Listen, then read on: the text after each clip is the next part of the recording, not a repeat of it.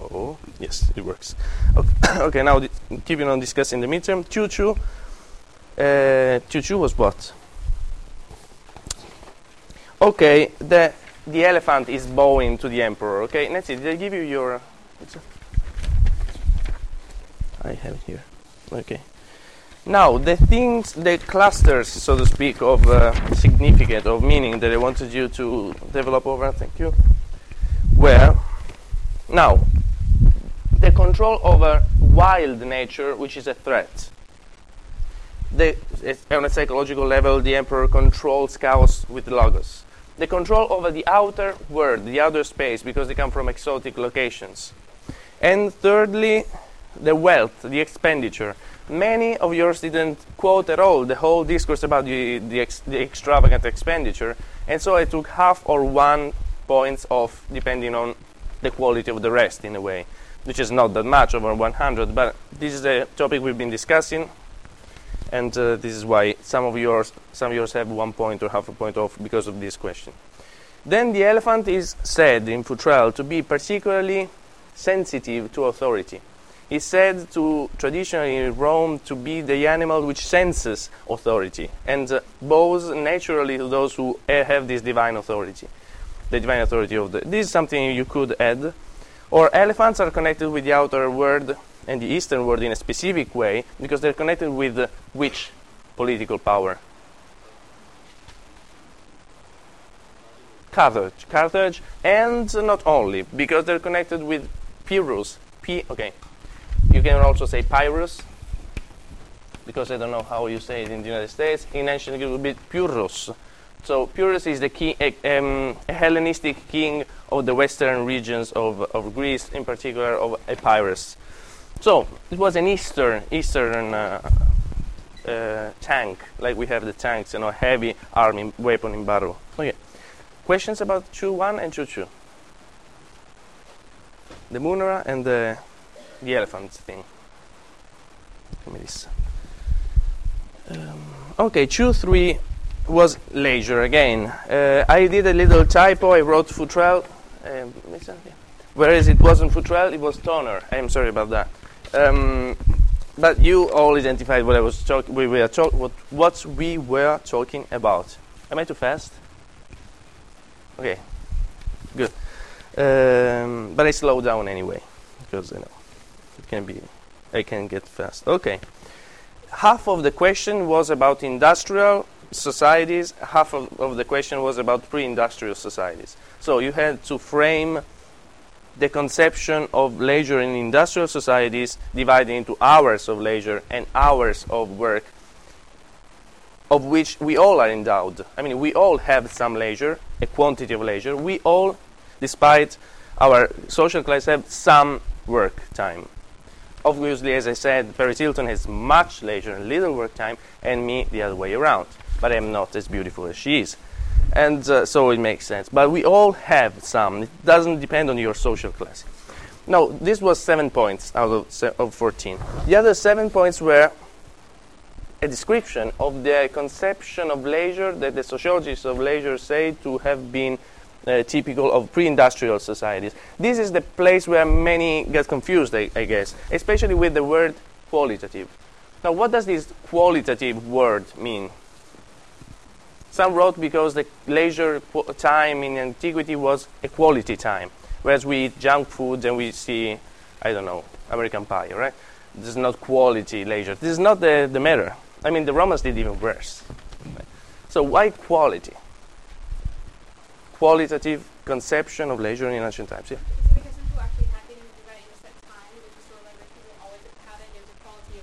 Is it I, do agree. It's very concise and perfect. I mean, the thing is that in a pre-industrial society, either you were born of high status and you didn't have to work, and your whole life was a life of leisure. So this of leisure complement is a complement of quality. What kind of life do you have? I have a life of pleasure. I have a crappy life. I have a wonderful life. I have a leisure life. Okay, so eh, the quality, the type, the kind of your life. That's why qualitative. Whereas if you are a commoner or a farmer, you have a life of work. And although you have free time, this time is culturally determinate. You have to go to the mass if you're in a Christian in a Christian world. You have to go to the to the uh, market of your village if it's the feast of your village. You you are expected to do it, not to be sort of an outcast or a bizarre guy. Today we all have the chance, especially in California, to be bizarre guys. I mean, the, the American culture is the triumph of this liberty of being the way you are. No, I can do on my free time whatever I want. You know, I can. Okay, let's not go into examples.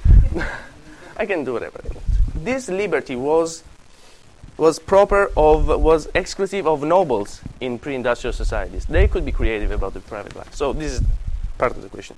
Um, if you didn't talk about the free time of the commoners in pre-industrial society, so let's say pre-industrial society, a farmer in ancient Rome, he also has some free time, but his free time is not leisure, according to Toner and some sociologists. Why?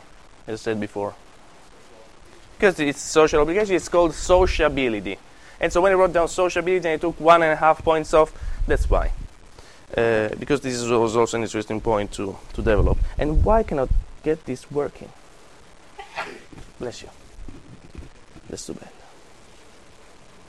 Okay, next time. Uh, question on the questions of this? No questions? Three, the essay. Now, the essay obviously you could expand in many directions, but I think there are three main points I wanted you to expand over, and I took and I graded it in relation to this. First of all, the Purica have to do with spectacle. They are spectacular executions. To avoid, I'm saying it very briefly. Many of yours wrote it much better than I'm doing now. No?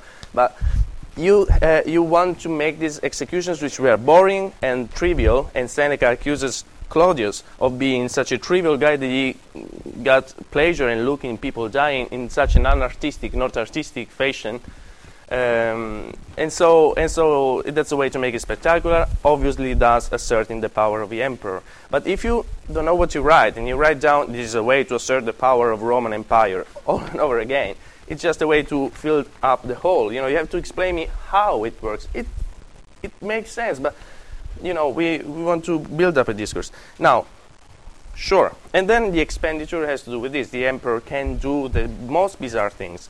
But this is just the first point. The second point is they had a moral and educational uh, purpose. Moral for sure, like all executions. But some of yours wrote about the Puricae, which are these spectacular mythological enactments of executions, just the way they would speak about executions in general. No, I was talking about why do you dress up a person like Hercules if you want to kill him? Okay, you kill him in public because you want to reassert justice, etc. But why dressing it up in such a strange way? All right. And uh, and I I speed it up because I see people more groaning. Groaning is wow, yawning. Yeah. So when I see one, it's normal. When I see two, I'm sad. When I see three, I shorten. I shorten it up. Okay, let's cut it off. And so the third thing is okay. This was also interesting. How do you enact a moral education of the public through through fiction, through a fictional representation of punishment, sometimes in a paradoxical way, like Orpheus, who's not guilty, uh, who used to to enchant beasts while he is destroyed by beasts, or sometimes Hercules. Hercules is a hero. He's betrayed by his wife Deianira, so he doesn't deserve to die. But the guy in the arena deserves to die, so the people are confused. They think he's an actor, but actually he's a criminal. So it, it was interesting to develop as, as a discourse. Well, third and last thing is fiction versus reality.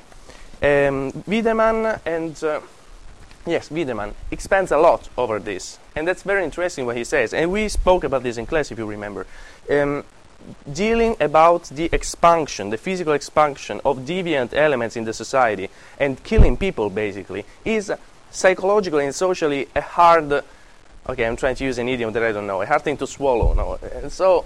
Uh, you want to exercise it culturally, some, culturally somehow, including dehumanizing the person through a mask if he's a gladiator, through a, through this en- enactment of mythological things if he's a, we are in a or um, or transforming reality in fiction. So the the boundary between reality and fiction in the enactment of violence, although legal violence, is complex problematically. So these were all things we you could expand on. Questions about this? uh, examples, and examples would have been appreciated, at least a couple. You know, Orpheus. Yes, do you have questions? All right. Was it worth to go for the midterm at all? Well, you don't have questions. All right. Any other doubt or questions you don't come up with now? You're very welcome to come to my office hours. I continuously make errors grading exams, so if I just did, overlooked something, that's okay if you come along. Okay, now you have to know that my computer is going to die very soon, so I can see my screen sometimes. So give me a second to. All right. Last time we had arrived to. Oh, uh, hold on a second.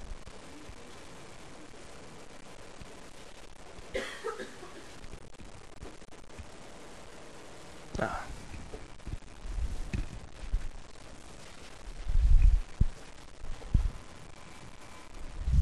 I hoped I could I could use the internet. I'm sorry about that. Okay, we'll do without it.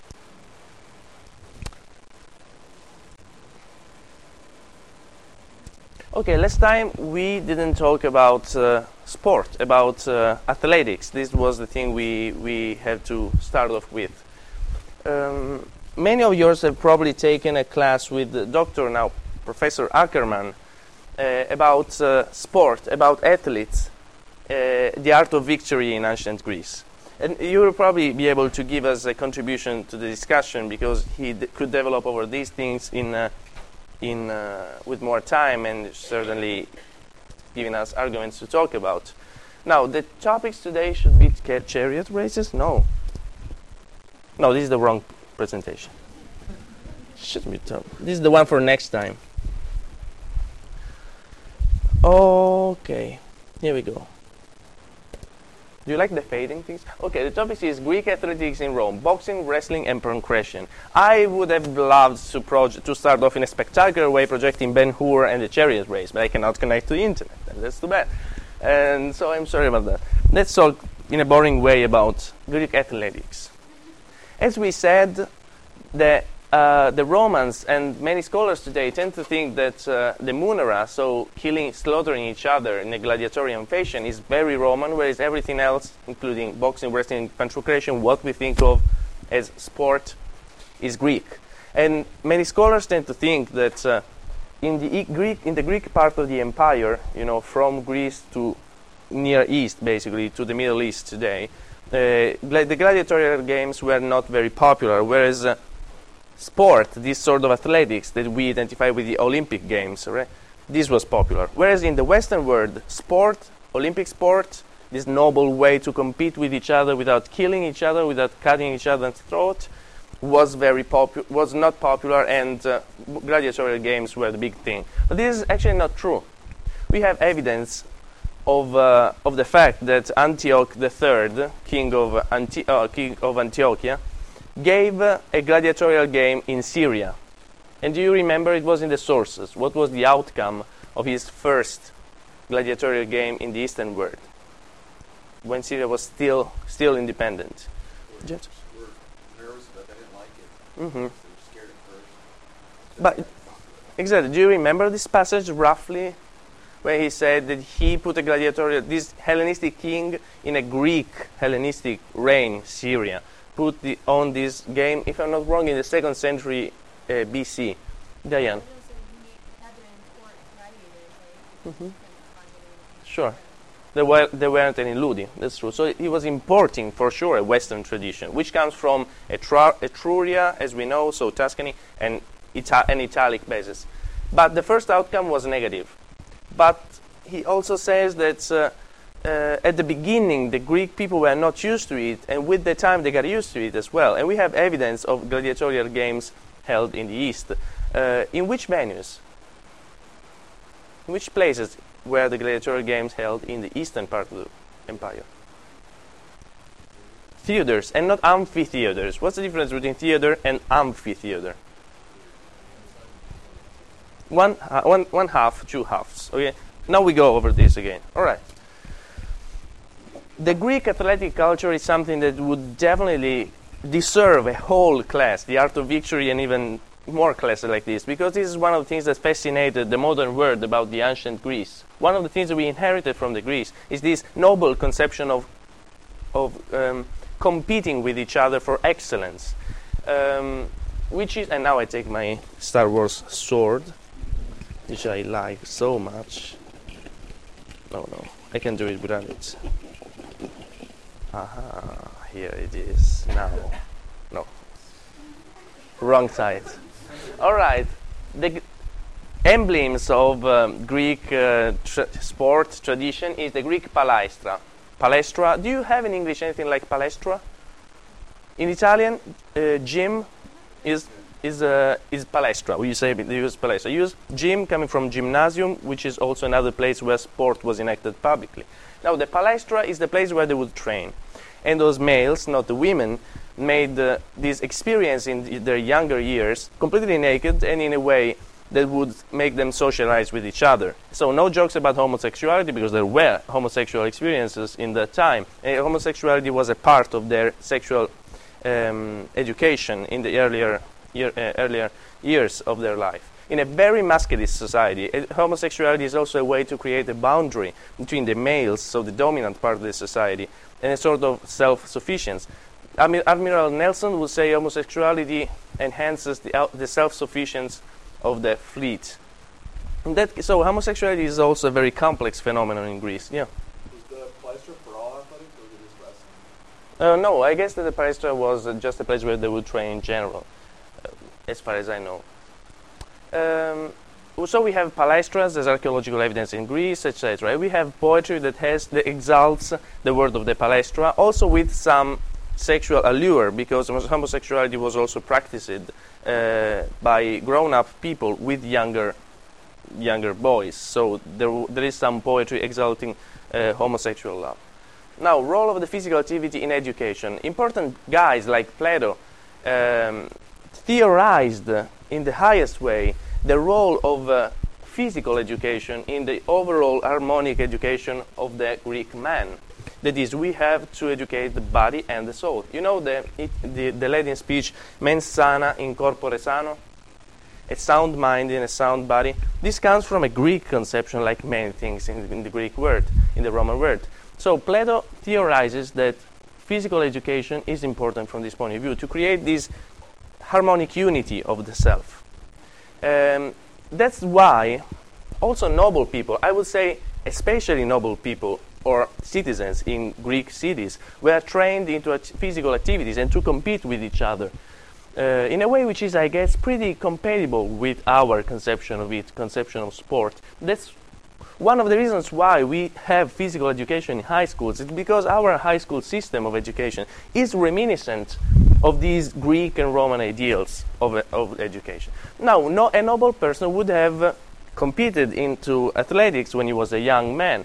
And so that's why in Greece, as opposed to Rome, in Greece, it was uh, acceptable and even and even uh, even uh, praisable that a nobleman would compete in the Olympic Games, for instance. One example is Dionysius of Syracuse, the, a tyrant of Syracuse who competed in the Olympic Games in the chariot race with chariot races and horses that he owned. And so, the, dif- the difference is therefore that in Rome, the athlete is a showman as well. And so he must belong to the lower classes. In Greece, the athletics are a way to build up one's education, and therefore it's, uh, it's allowed and, and noble that, and uh, widely accepted that a noble man can compete in, in athletics. Andrew.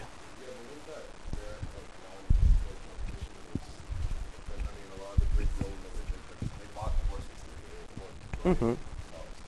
Yes, that's right. Wouldn't it be like also a mark of uh, shame for a Greek, a high-ranking Greek to participate in athletics? Because the, Well, activities that are self-destroying, like wrestling, I wouldn't imagine, obviously, a nobleman to do it. And you point out quite correctly that he owned the, the chariots. I create, I have a parallel in my mind with the Formula One. How do you say Formula One in English? Formula One. So um, it, there are people. There are, there's this Briatore guy in Italy who owns basically who runs the business, and it's considered a sort of high class uh, form of uh, business and sport. I don't know how to explain it any further, but it's pretty fashionable because you have to own the good quality horses, etc. Horses were really the the cars, and there were luxury cars in antiquity, etc. Well, there are social stratifications as well, but in general, to compete publicly was not shameful. And in the Spartan society in particular, even violent competition was considered pretty noble and was a part of. of have you seen Meet the Spartans? Meet the Spartans. Okay, I confess I wanted to go to see it. That's like the the only trash movie I, I have urge to go to see. I don't know why. I saw 300. When I see that he throws Britney Spears in the hole, I'm like, I, I would pay any price. For I, I have nothing against Britney Spears, obviously, but. okay, achieving excellence. This ideal of a, not only of creating a harmonic personality, but of achieving excellence uh, has been exalted by poets like Pindar and those who make the class um, uh, of uh, the art of victory know it very well. In uh, a literary genre, genre known as encomium, so praise of the of the winner. And there is this explicit and very elaborated parallel between physical and athletic uh, excellence and excellence in life, which is so common of our culture as well. We use this metaphor, and this is the noble conception of sport. People like me who don't practice any sport are often argued by people who practice sport in terms of, you know, you don't have to think that intellectual activity is somehow higher because there's a, a strong educational bulk into sports, etc. Okay, achieving excellence. Questions? Ideas? James?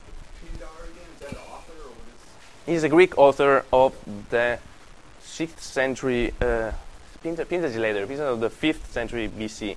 Um, yes, he also, he also worked with and for Dionysius of Syracuse and in Sicily, and he died in Sicily, where I come from, etc. Uh, okay. Hey. Hey. Okay. Now, the conception, the high conception of, uh, of sport is uh, visualized by visual art, um, like this very famous artwork, this very famous marble statue known as the Discobolos or discus thrower. Um, the, this comes from the so-called classical era of, of Athens, the, half, uh, the middle of the 5th century before Christ, and, uh, and it represents uh, this idea that we have, that has also been idealized in its turn, of the Greek man as perfect harmony, expressed by the perfect harmony of forms and structures of the body.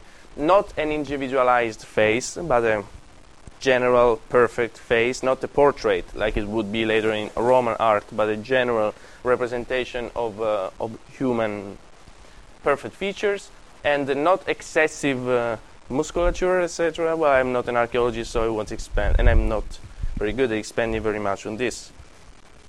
But in Rome, this wouldn't have been conceivable for the Roman mentality. Um, all right, this is the other way around. This also shows us that they were completely na- naked. The nudity was considered part of the game. So this is one of the aspects that made it so um, apparently different to be considered compatible with the Roman word. But and so the old th- idea, the old thoughts about Greek athletics in Rome was were, was also that uh, such an extreme form of nudity, so to speak, which also included and implied some forms of homosexual practices within a very homogeneous uh, and uh, classist uh, division of the society. So only the free men have power. They join together into clubs, basically. They make sport together. They even have sexual experiences together. They create this very strong, homogeneous, and exclusive group. Okay, so this everything which came along with Greek sport, including homosexuality and nudity, for instance, was not compatible, it was thought, with the Roman experience, with the Roman world, which was sexually very um conservative, so to speak, and homosexuality wasn't accepted. It was considered a Greek thing to be despised. Think of uh, the parody that authors like Plautus make of the Greek word, the Greek way of life. Plautus is this. Uh, um, second century where he lives uh, around 200 BC. He works around 200 BC. Plautus. He criticizes the Greek way of living, which he calls to, to go Greek, no, to per graecari, he says, not to go Greek in the sense of alpha, gamma, etc. uh, What's it called? You know, the sororities, but go Greek in the sense of living the Greek way. So there is a there is an issue about accepting the Greek sport, but not because it wasn't bloody enough for them, but also because it included the whole vision of life, and it was in harmony. It was a part of a more of a wider vision of life and of education and of the, the self, etc. But okay, do you remember the readings? What does what does Junkelmann say about this thing? Is really Roman Greek sport not compatible with Roman word and life? This chapter of Gladiators and Caesar has been written by Marcus Junkelmann, the same archaeologist. Yeah. Yes. Why and how? Does he?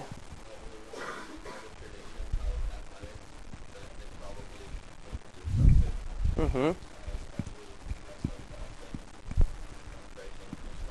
Mm-hmm. How about the nudity? Apparently. Mhm. Yes. Well, we can't know it very well because we rely on depictions. But the evidence that we have on the ancient world is what the ancient world wants to tell us and say that they were naked. But you probably don't want, and the evidence we have comes from a vase Imagine, You know, we have a vase where some athletes in Rome are depicted. But you probably don't want to depict them naked on the vase, although they were naked in reality because of cultural reasons. So our evidence has always needs always to be checked out in a way and to be um, double checked with uh, the general context of the culture of the time. That's that's really true. Actually, uh, okay. How are the Greek athletics historically introduced in Rome? This is in the readings as well. Marcus Fulvius Nobilior, who's this guy which we, whom we keep meeting all the time, who is the one who conquered the Aetolians, introduced in Rome during his triumph the, the first big Venationes and the first Greek professional athletes, as Diane was saying before, just like Antioch in Syria, which is over here, no, wants to introduce gladiators from the West.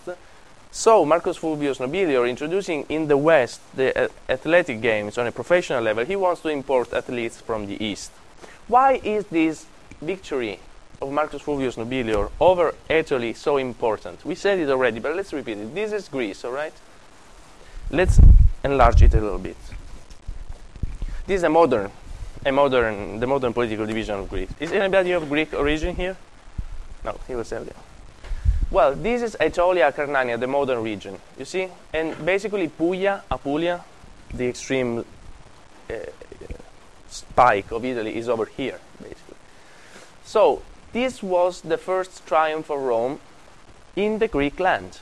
So it was the first actual material con- conquer of Greek soil by Rome. And so Marcus Fulvius Nobilior, who was an aristocrat and therefore strongly uh, aware uh, of, of Greek culture, which was the raffinate culture of the elite in Rome in that, in that time, in the second century BC, he imported in Rome many features of the Greek word.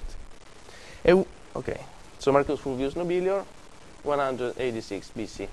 Imports the first professional Greeks. Uh, no, there was something in between. All right, and then after that we have little testimonies about uh, athletic games. So we tend to think that in the Republic it wasn't very popular, but later on it was accepted in the Roman world. All right, let's look at the venues, and ar- the archaeologists would be very happy for that I'm going over this thing because the um, it, I am I'm, proj- I'm created those slides slides to make clear something which seems to me a little confused in Junkelmann in the textbook. Okay, the Venus. The the Roman circus is this thing. So you have the chariot races going on here. You see in the middle you have the meta, other meta, so the two goals, so to speak. And here you have the eggs that would fall down if you remember. The public would be over here around. This is the Circus Maximus in Rome. It's still there. If you go there, there are not there's no construction, but the space, this huge space with the slopes around are still there. And still so big that many um, strikes, for instance, that you manifestations that you do manifestations that you do in the road, they finish up there. And there's the politician who uh, talks to the to the people, and he does it over here because it's still it's still in Rome. It still fits lots of people. It's still a free area. This is Circus Maximus in Rome. As you see, this is a um, elaboration of the Greek Greeks, Greek hippodrome. Hippodrome means place to make the horses run. Hippodrome.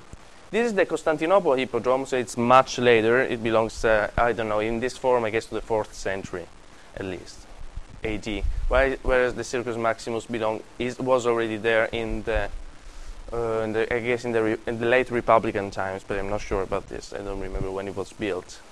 It was in a central area of Rome because this is the Palatine Hill, which is the center of the monumental uh, of the monumental buildings of Augustus in particular.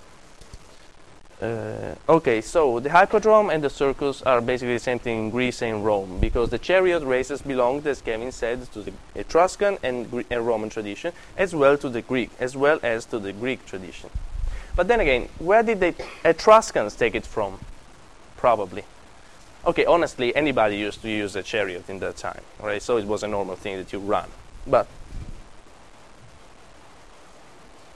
from the Greeks themselves, because the Etruscans conquered Rome, and Rome was within the Etruscan influence up to the 6th century BC. It was, for a certain part of this history, an Etruscan city when the Etruscan civilization was at its top. So, Etruria in general, this culture was strongly influenced by Greece. So the most, the oldest influences that we have from the Greek culture into Rome come through the Etruscans, including the alphabet and many other things. Okay, well, shortly. The venues, the theater and the amphitheater. The amphitheater was basically dedicated to what kind of shows in Rome? The Munera and Venationes and the Noxi. These things in Rome have in Greece happened in the theaters. We have uh, some amphitheaters in the eastern part of the empire, but little they stick to their ancient tradition of the theater. The theater is an interesting thing. Look how it was built.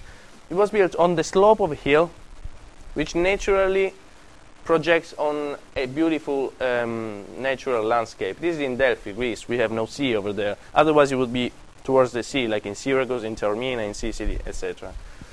Uh, okay, I know the Sicilian stuff better, obviously. So we have no amphitheater in the in the west. We have in the east. We have a we have just theaters. The stadium. The stadium is something that we basically don't find in Rome. The stadium is this thing. It has this okay, this shape shape shape. It doesn't have in the middle the structure which is necessary to enact chariot races. The stadium is basically the place, the visual place where you can see Greek sport, not chariot races, but physical sports, which would take place in the middle. It's lo- long that way. In Rome, we have only one important stadium, which was built up by uh, Domitian, which is the Stadium Domitiani, and now it's you know its plans, the, the, the, the foundation, so to speak, are still there in the in the urban tissue. If you go to Rome, this is Piazza Navona. So buildings were built around in the Middle Ages and the Renaissance, etc. But the area of the of the stadium remained the way it is, and it's amazing. Piazza Navona is amazing in itself. If you go, ever go to Rome, if you went there, you know it. But this is, as you see, a stadium. Why Domitian? Why the only stadium we have in the West is the stadium of Domitian and not of Augustus? He more of a Greek loving one?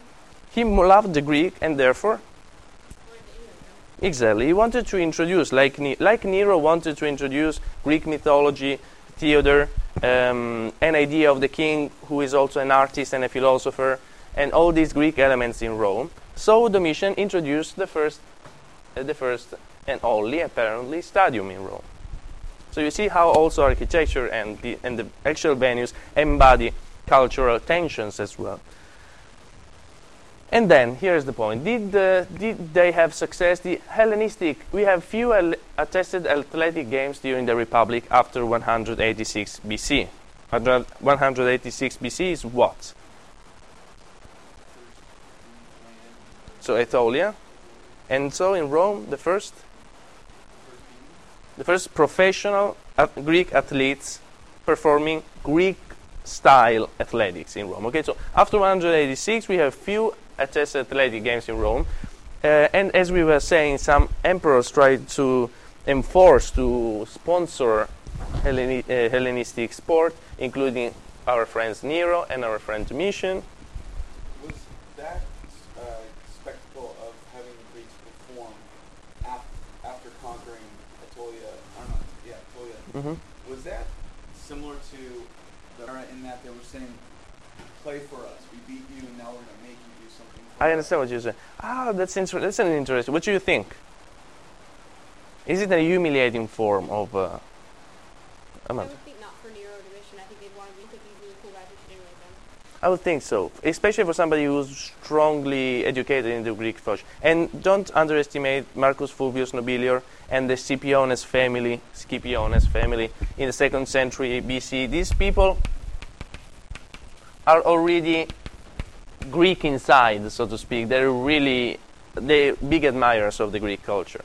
So I think it would be pretty much more, you know, the first American movies in post-fascist Italy. Look at this stuff. You know, let's import something which is valuable. Yeah, Nadia. Almost seems as if um, it's just another form. I'm not bringing you the everyday. I'm Mhm. bringing something new. Um, therefore, you Mm-hmm. know, Yes, that's interesting. I, I make a parallel between this and the Purica. This is, there's also a spectacular outdoing, you know, this outdoing. There are two words in this course which you will remember forever, which is lavish and outdo. I see that they're in every paper and every midterm. Anybody writes lavish and writes outdo. So not only outdoing the others and being spectacular, but I would add something more for the Purica and for the Greek games. Both of them carry on with them a higher um, cultural meaning that is the meaning of uh, of the myths that teach us something during an execution, which is in its turn meant to teach us something. And also, athletic athletic sports are higher, less bloody. Why not? More sophisticated form of uh, entertainment and of activity. Uh, and uh, if we consider that Pindar and Myron, so Pindar as a poet and Myron as a as a sculptor, and all, the whole classical Greek culture had exalted athletics as a form of art and the art of victory, the art of competition, the art of outdoing one's limits. Okay, if we consider the whole cluster of symbolical meanings and ideals that were carried on with athletics, I would definitely think that it's not just spectacle. These emperors thought they had thought they had a higher cultural mission to educate the rough Romans in a way and make them more Greek. Yeah.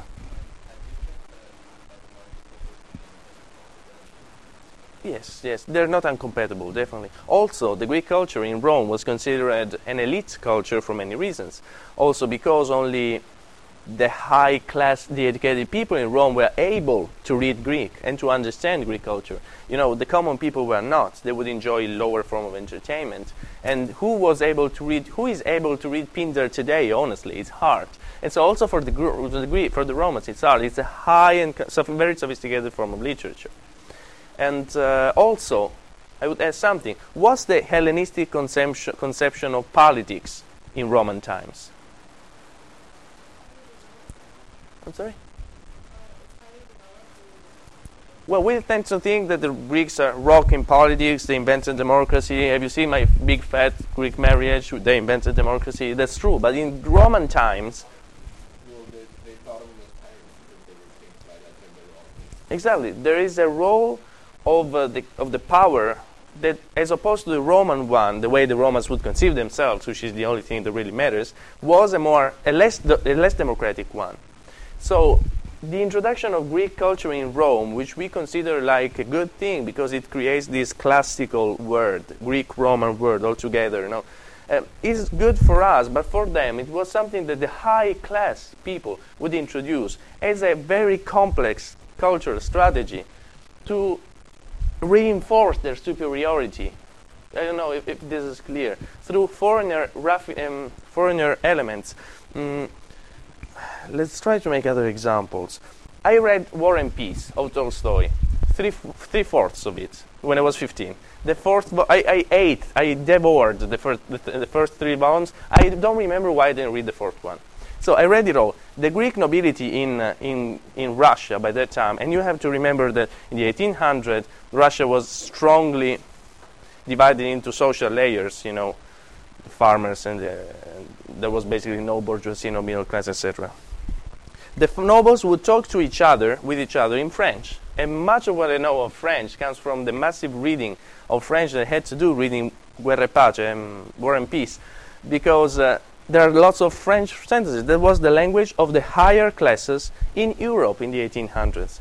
Italian nobles, uh, Russian nobles, German nobles, French nobles would talk to each other in French, would read French literature, which had been so prestigious in the preceding centuries and kept being, for God's sake. But you know, this was something that excluded, excluded the, the other classes because it's an elite culture that we import from somewhere else. This is a good example. Well, today in the marketing, to- what's the elite of today? The elite of today is uh, the CEO of Google. I don't know. It's not about nobility anymore. What? Okay, you don't, you don't feel it because you're Americans and you all speak English. But believe me, everywhere in the world, those people, the marketing people, the economy people, the sociology people, the advertisement people, the fashion people, don't speak Italian anymore. They speak an Italian, a French, a Russian, which is intermingled with guess what language? No, English is the language of trade, of international uh, science. Why not? Sociology, informatics, technology. Technology is the big thing. So, the use of a foreigner, of foreigner cultural elements, both sport or language or literature, have to do with the social dynamics throughout a society, or with elite dynamics. And uh, okay, okay. Well, I just wanted to say that. Uh, Yes, that's what I said before. That's what I said before. Sport is introduced in Rome through Etruria, which is north from Latium. So this is Greece, this is Latium, this is Etruria. Etruria includes Rome. About the 6th century BC, we have names of, Gre- of Roman kings being Etruscan names like Tarquinius. In this period, Greek sport is introduced, and I think we're done. Yes. Ah, that's too bad. I wanted to. Okay, it's late though. I see you. We have a long weekend. Enjoy it. I'll see you later.